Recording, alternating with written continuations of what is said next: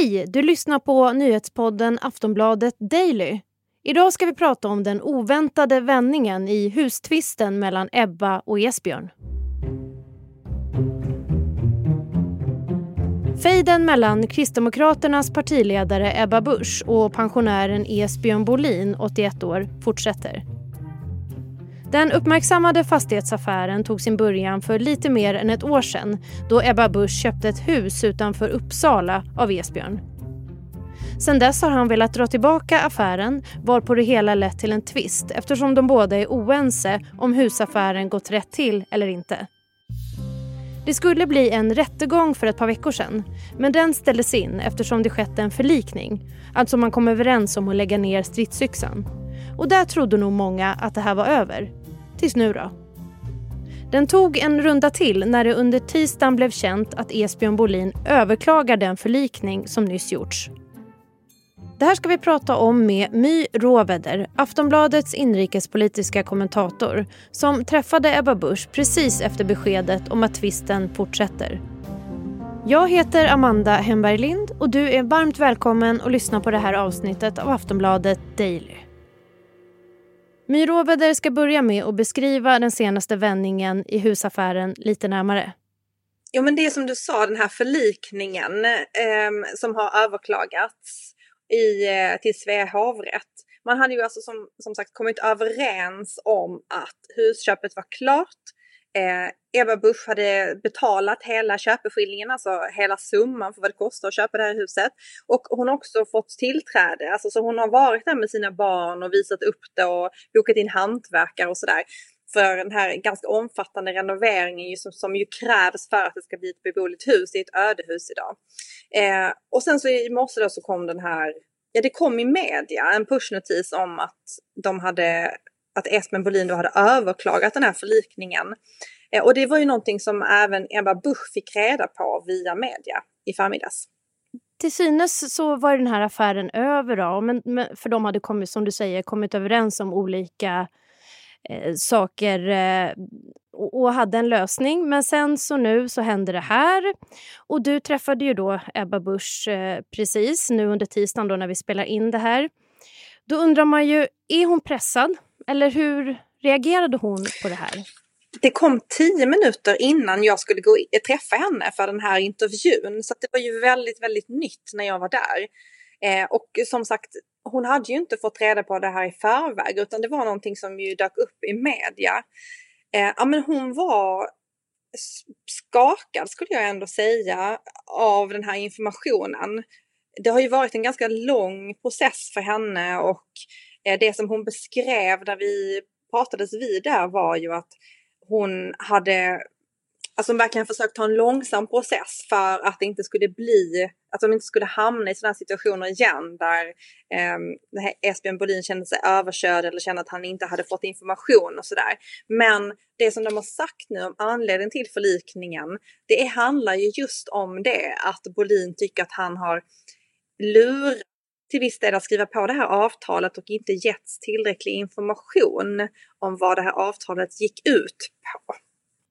Det senaste i den här affären kom ju ganska olägligt kan man säga för Kristdemokraterna också, alltså just nu, eller hur? De har ju sitt riksting i slutet av den här veckan. Jag skulle säga att de tycker det är olägligare att Stefan Löfven tänker avgå och att det kanske blir en statsministeromröstning.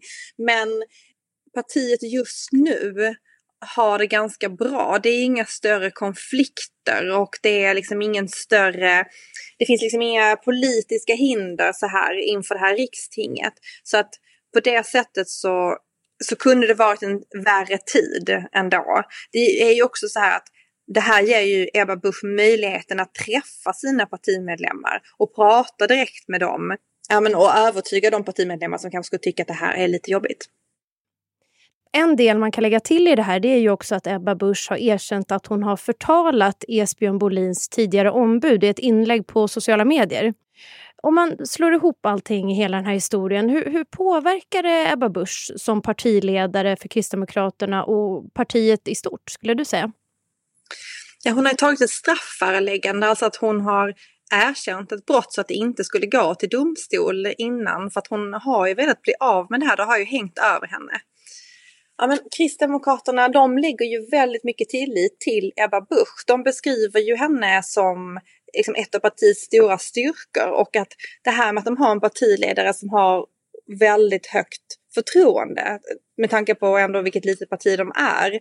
Det anser de liksom vara den, bäst, den största uspen med henne, alltså det, det som har potential att lyfta partiet och att ge dem kanske lite, en liten skjuts nu till exempel när vi går in i en valrörelse.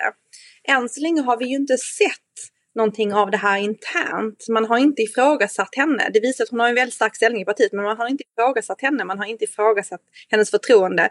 Trots det här strafföreläggandet kring förtalsmålet, trots den här husaffären. Och frågan är ju då, alltså hur, långt, hur, länge, hur lång tid tar det innan det blir ett problem? Eh, och det handlar väl i så fall om om man ser det i mätningar på något sätt. Att det skulle påverka mätningar och förtroendet för Ebba Busch. Samtidigt är det ju så här att vi har ju mindre än ett år kvar till valet. Det är ju i så sett ingen möjlighet att byta ut henne ändå. Så att rimligtvis så får man ju välja att stå bakom henne och hoppas att liksom den här stormen rids ut um, liksom lite snabbt nu då. V vad händer framåt i hustvisten nu? Det verkar som att de inte vet exakt vad som kommer att hända. I förmiddags när jag träffade Ebba Busch så hade de ju inte sett det här överklagandet. För att de då, de såg den här Busch-notisen som alla vi andra. Sen så försökte hennes, kontakt, hennes advokat ta kontakt med tingsrätten där det här var inlämnat. Men det gick inte för att gissningsvis sa de då så var ju liksom alla medier också där och ringde och försökte få ett tag på överklagandet. Eh, nej men så eftersom man inte fått, hade då i förmiddags hade fått kontakt med tingsrätten och kunnat se vad som står i det här överklagandet så är det väl lite oklart fortfarande vad som kommer att hända framåt. Om det här kommer att tas upp till Svea hovrätt. Det säger Aftonbladets inrikespolitiska kommentator My Råveder. Jag som pratar nu heter Amanda Hemberg Lind och det är nyhetspodden Aftonbladet Daily som du har lyssnat på. Du får gärna följa oss i din poddspelare så har du koll på när vi släpper nya avsnitt. Tack och hej så länge. Du har lyssnat på en podcast från Aftonbladet. Ansvarig utgivare är Lena K Samuelsson.